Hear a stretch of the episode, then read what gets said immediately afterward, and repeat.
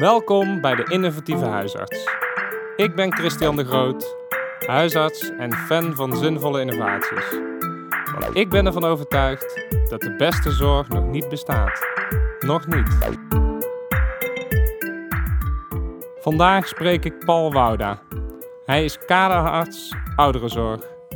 Met precies heeft hij netwerkzorg rondom kwetsbare ouderen mede vormgegeven. Ik vroeg hem naar zijn ervaringen met netwerkzorg, wat het concreet oplevert voor de huisarts en de kwetsbare patiënt.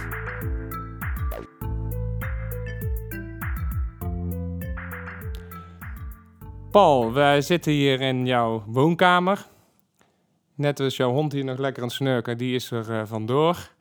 Uh, voordat we beginnen, heb ik een paar typeringen van collega's die met je samenwerken. Intrinsieke motivatie om de zorg rondom kwetsbaren te verbeteren. En gevoel voor het grotere belang. En last but not least, bevlogenheid. Kun je daar iets meer over vertellen? Waar komt die bevlogenheid vandaan, Paul? Ja, nou, ik vind het vak huisartsgeneeskunde al uh, heel leuk. Maar um, ik wil graag ook bijdragen aan vernieuwing. En om zeg maar, daar zelf actief in te zijn, moet je zorgen dat je zelf ook meedenkt. En zorgen dat je niet aan de rand gaat uh, zitten en uh, kijken wat er op je afkomt. Maar zorgen dat je inderdaad zelf mee kan denken. Dus vandaar mijn drive om inderdaad op allerlei vlakken, uh, zeg maar, toch mede vorm te geven aan het vak als zodanig. Ja. ja. Want je doet dat nu als kaderarts ouderenzorg, maar je hebt in het verleden veel meer gedaan. Hè? De... Ja, nou, ik ben uh, bestuurlijk ook lange tijd actief geweest. Um, ik heb ook, ja, dat vond ik ook heel leuk om op een gegeven moment de stap te zetten naar de huisartsopleiding, om de opleiding uh, te gaan doen. Ik heb voorheen ook best wel veel uh, aan nascholingen mogen meewerken. Dus ja, op allerlei vlakken vind ik het dan ook leuk om bezig te zijn. En uiteindelijk ben ik toen weer naar bestuurlijke activiteiten weer de inhoud ingegaan. En toen wilde ik de kaderopleiding ouderengeneeskunde doen. Dus vandaar dat ik nu daar heel actief mee bezig ben. ja. ja. En daar wil ik het heel graag met jou over hebben, want uh, die netwerkzorg rondom kwetsbare ouderen, waarom vind je dat dat nodig is? Het is de enige vorm om goede zorg te leveren aan, zeg maar, uh, ouderen. Je kan dat niet meer alleen. Je moet eigenlijk verplicht wel met andere mensen die zorg leveren. En dat is niet alleen de praktijkondersteuner, hè, want dat zijn we bij de somatische trajecten wel gewend. Maar het is ook met name dat we dat nodig hebben in de zin van de wijkverpleegkundige, de specialist oudergeneeskunde, de uh, ergotherapeut, de fysiotherapeut, mondzorg, uh, diëtetiek. Je hebt alle mensen nodig om de kwetsbare ouderen zeg maar, zo lang mogelijk thuis te kunnen houden. Dus wat dat betreft is dat gewoon een must om met veel stakeholders zeg maar, samen te werken. Hmm. Dat kan je niet meer alleen. Nee. nee. En het is in deze regio redelijk gelukt om uh, een netwerk uh, op te zetten. Ja. Precies heet dat netwerk. Hoe is dat hier in de regio ontstaan? Nou, precies is eigenlijk nog een extra netwerk, bij wijze van spreken. Want we waren natuurlijk al met ons zorgprogramma Kwetsbare Ouderen... is al heel lang, zeg maar, van start gegaan. Dat dateert eigenlijk al van 2010... Hm. Toen is het uh, nationale project ouderenzorg van start gegaan. Dat heeft toen gedraaid. En toen is eigenlijk al de basis gelegd voor ons zorgprogramma. Dat is verder uitgebreid. En we hebben toen inderdaad met precies ook gekeken van tijdens een patient journey, wat voor knelpunten kom je nog tegen in het hele traject. En daar is, zijn heel veel partijen bij betrokken, zorgverzekeraars, VNV-organisaties. Dus alle partijen die bij de ouderen bezorgd waren, het netwerk om het zo maar te zeggen, die zijn erbij betrokken en die hebben zich ook gecommitteerd om de knelpunten op te lossen. En dat zie je nu met precies extra uh, gebeuren, dat die knelpunten nog meer zeg maar, in de beeld komen en nog meer zeg maar, een zoom krijgen om inderdaad sneller tot een oplossing te komen en tot een efficiëntie te komen wat betreft de zorg. Ja, ja. ja. En Eh, en, en hoe is dat, die samenwerking met die andere partners? Ja, nou, de ene gaat wat makkelijker dan de andere. Ehm, nou ja, je kent zelf het, eh, de, de WMO, hè, dus het, eh, het sociale domein. Dat is een, een lastige partner om eigenlijk goed mee samen te werken, omdat we daar niet echt een vaste band mee hebben. Daar zit te veel wisseling in, te, te veel discontinuïteit. Hm. Maar het is wel heel belangrijk om die mensen te betrekken. Dus eh, bij de ene stakeholder gaat het iets makkelijker. Hè, de wijkverpleegkundige die zit in de wijk en die ken je, die kom je vaak genoeg tegen.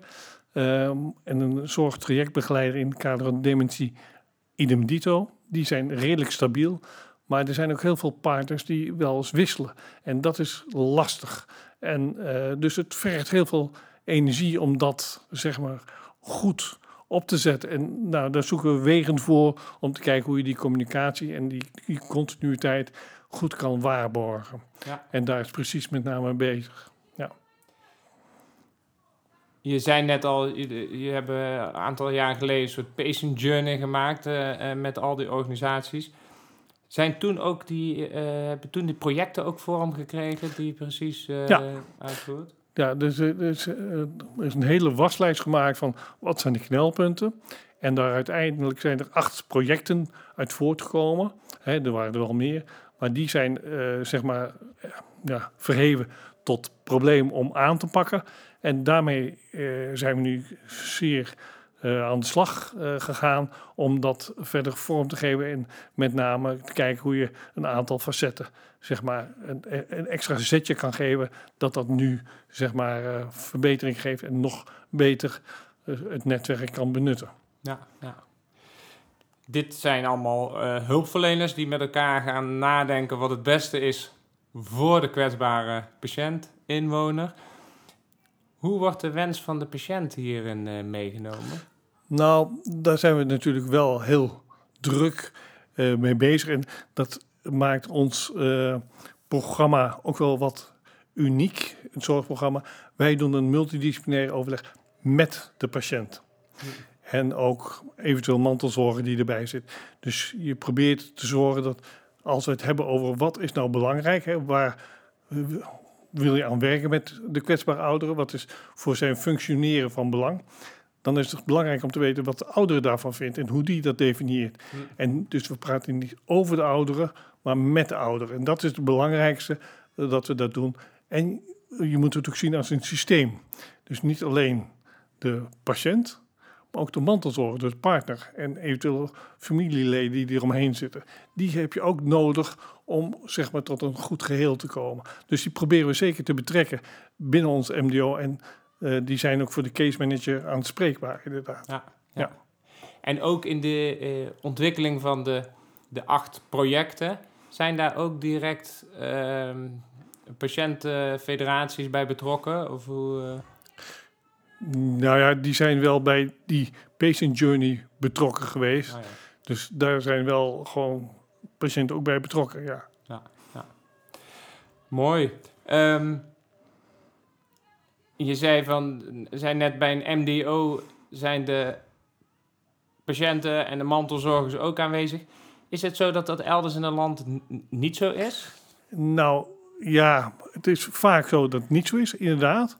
En het lastige is ook, zorgverzekeraars vinden het ook best wel een beetje lastig. eh, want het is best wel kostbare tijd. Hm.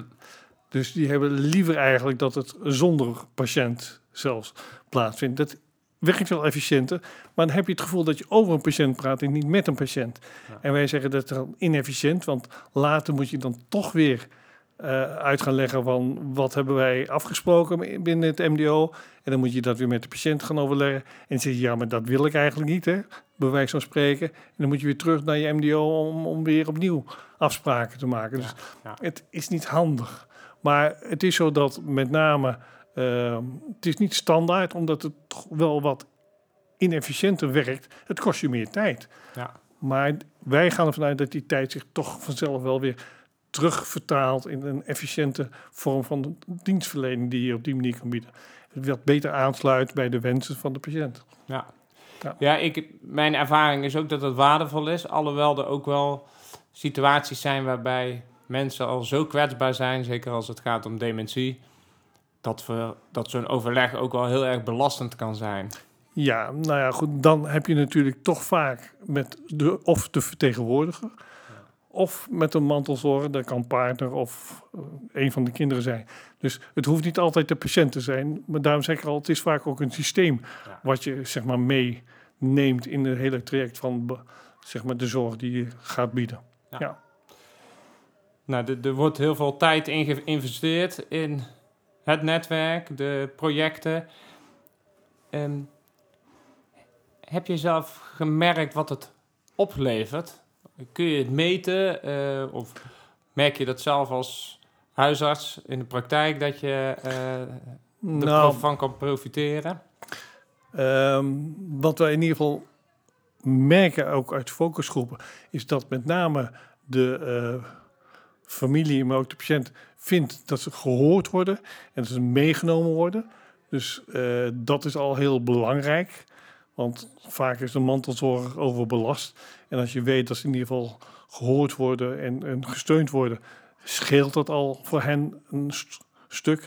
En van de andere kant, ehm, doordat je de patiënt goed in beeld hebt, kan je ook wat makkelijker anticiperen als er problemen zijn. Je hebt al scenario's in gedachten. Hmm. Dus het feit dat je om vrijdag om vijf uur acuut een opname moet doen, omdat opeens het eh, ontspoort qua dementie, ja, dat komt niet zo vaak meer voor. Omdat je eigenlijk al weet van tevoren van, goh, we moeten goed opletten dat er niks vreemds gaat gebeuren. Of je zorgt al dat er dan stappen bekend zijn die dan gezet gaan worden. Dat ze bij wijze van spreken tijdelijk opgenomen kunnen worden of wie ze moeten bellen, zodat je niet voor verrassingen komt te staan. Dus dat zijn wel de winst, zeg maar, in, in, in dit hele project. Ja, Ja. ja. Ja. mooi dat. ehm, ah, ik, ik denk als je. Want, want die vijf uur, vrijdag vijf uur patiënt, die kennen heel veel huisartsen, eh, kennen dat begrip.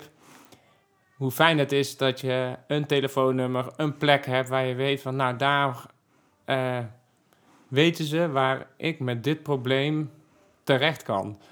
En dat Ja. is ook iets wat volgens mij sinds kort ook in de lucht is, hè? Dat, dat nummer. Ja, nou, het is al een tijdje geweest dat er een telefoonnummer was waarbij je de SO kon bellen. Hè, om te overleggen, dus eh, vanuit de huisartsenpost. Dus dat is wel weer nieuw leven ingeblazen.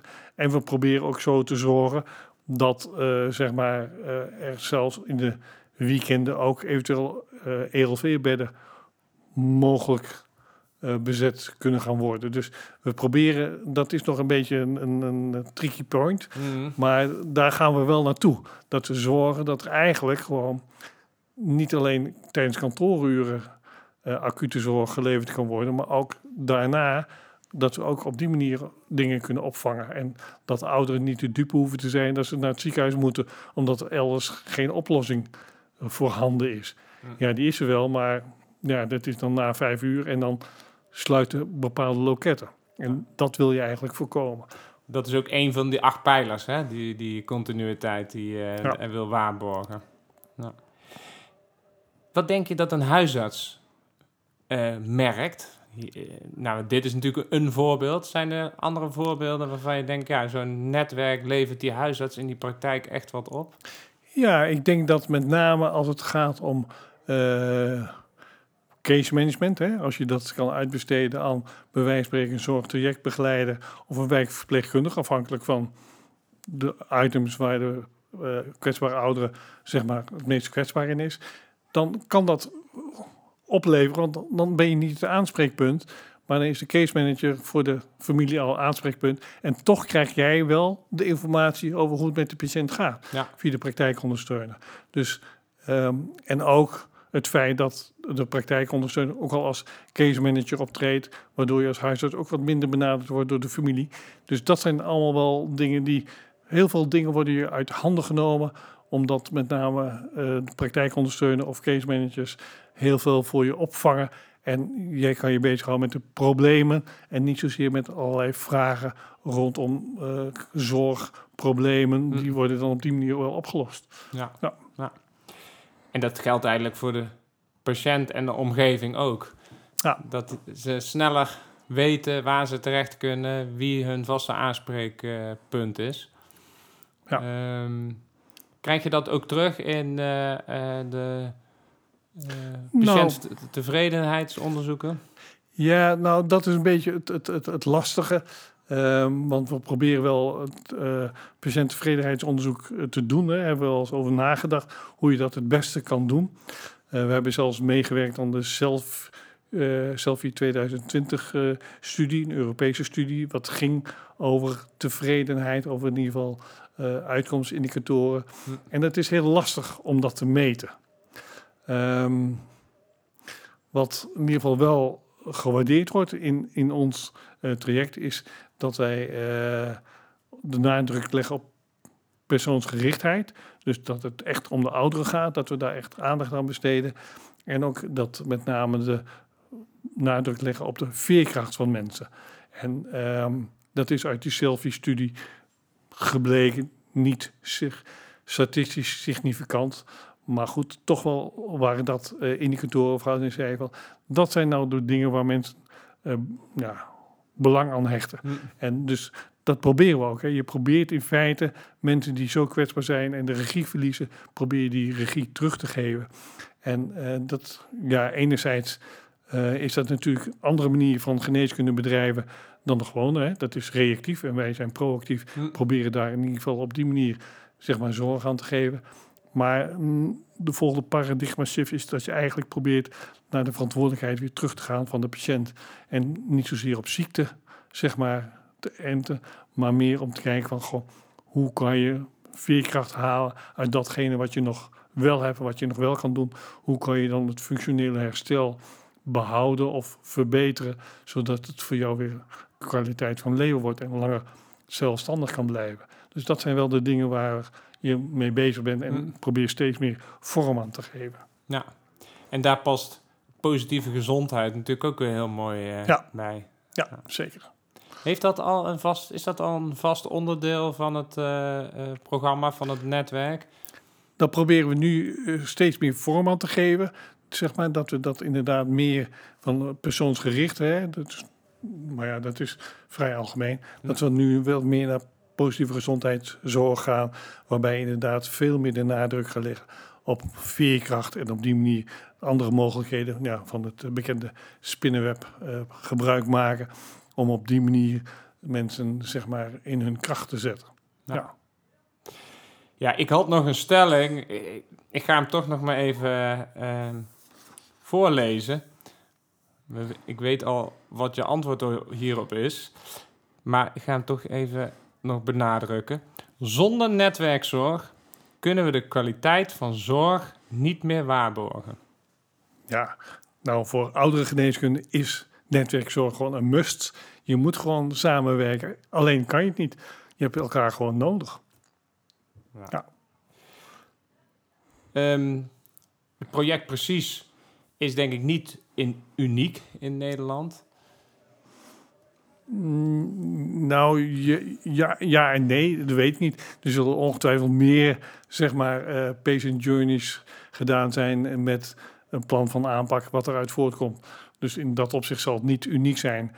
Maar ehm, wat ik hier in ieder geval wel uniek aan vond, is dat alle mogelijke partners in het veld er aan mee hebben gedaan. Dus zowel zorgverzekeraars, ziekenhuizen, geriaters, eh, VNV-organisaties, eh, patiëntenorganisaties. eh, nou goed, heel veel organisaties hebben er aan meegedaan. En het bijzondere was, overdag hebben ze de problemen geanalyseerd. Mhm. Ze hebben er acht items uitgenomen. En s'avonds hebben met name de bestuurders zich gecommitteerd. Kijk. En dat, kijk, je kan natuurlijk wel een probleemanalyse doen en zeggen van dit moeten we aanpakken. Maar het feit dat eh, op diezelfde dag de belanghebbenden zich ook, de bestuurders, ook gecommitteerd hebben aan dit project. Hm. Dat heeft ook ervoor gezorgd dat er gewoon, nou ja, goed, Colette de Vries is de draagster van dit eh, project, zeg maar. Die, die, die zorgt ook dat het echt doorgaat en er echt eh zoom in zit en door blijft gaan. Om te zorgen dat er inderdaad ook echt iets van de grond komt. Ja. En ja. dat merk je nu, begint het echt vruchten af te werpen, langzaam maar zeker. Komen uit die acht projecten ook de winst, eh, die we kunnen plukken, zeg maar. Ja. Ja. En ehm, verwacht je dat deze trend zich eigenlijk gaat verbreden? Dat je dadelijk soortgelijke projecten ook eh, op andere eh, plekken vorm gaan krijgen? Ik denk dat de ouderenzorg veel meer impact gaat krijgen. En ik denk dat daarmee ook netwerkzorg ook eigenlijk veel breder in het land ingezet gaat worden. De, de LESA, de, de Landelijke Israëlische Samenwerkingsafspraken, is eigenlijk daar ook al op gebaseerd. Uh, ik weet dat er um, ook andere zorggroepen zijn die zeg maar zorgprogramma's hebben of modules hebben. Um, bij ons is het wel vrij uitgebreid en, en, en echt in de vorm van een DBC, dus dat is wel uniek. Uh, dat is maar in een paar plaatsen in Nederland zo. Maar het geeft ons wel de mogelijkheid om inderdaad die netwerkzorg ook daadwerkelijk mogelijk te maken. Mm. En uh, nou goed, ik denk dat dat wel belangrijk is. En ja, eigenlijk kan je gewoon echt niet meer zonder. Nee. Heel duidelijk. Uh, ondertussen hoor ik de hond wel weer snurken. Maar ik vind het geen. Uh, ik vond het een inspirerend verhaal. Een verhaal waarin we uh, echt vanuit de patiënt, de bewoner, is gekeken van nou, wat hebben we nou nodig voor die patiënt en zijn, om, zijn of haar omgeving om die uh, kwetsbaarheid, zo, de kwetsbaarheid te verkleinen. En huisartsen, andere professionals merken dat ze daar, daardoor eigenlijk beter ondersteund worden in de zorg. En vaak complexe zorg die mensen nodig hebben. Mooi. Um, we zijn aan het einde gekomen van, um, van ons gesprek, van deze podcast. En dan vraag ik altijd: wat wil je de luisteraar in één zin meegeven? Nou, dat komt al uit het hele verhaal naar voren toe. Dat eigenlijk ouderenzorg is een vorm van netwerkzorg. Anders kan het niet. Dit was de innovatieve huisarts. Met een inspirerend verhaal om de zorg slimmer in te richten. Ik zoek verder naar nog meer mooie innovaties. Je hoort snel van me.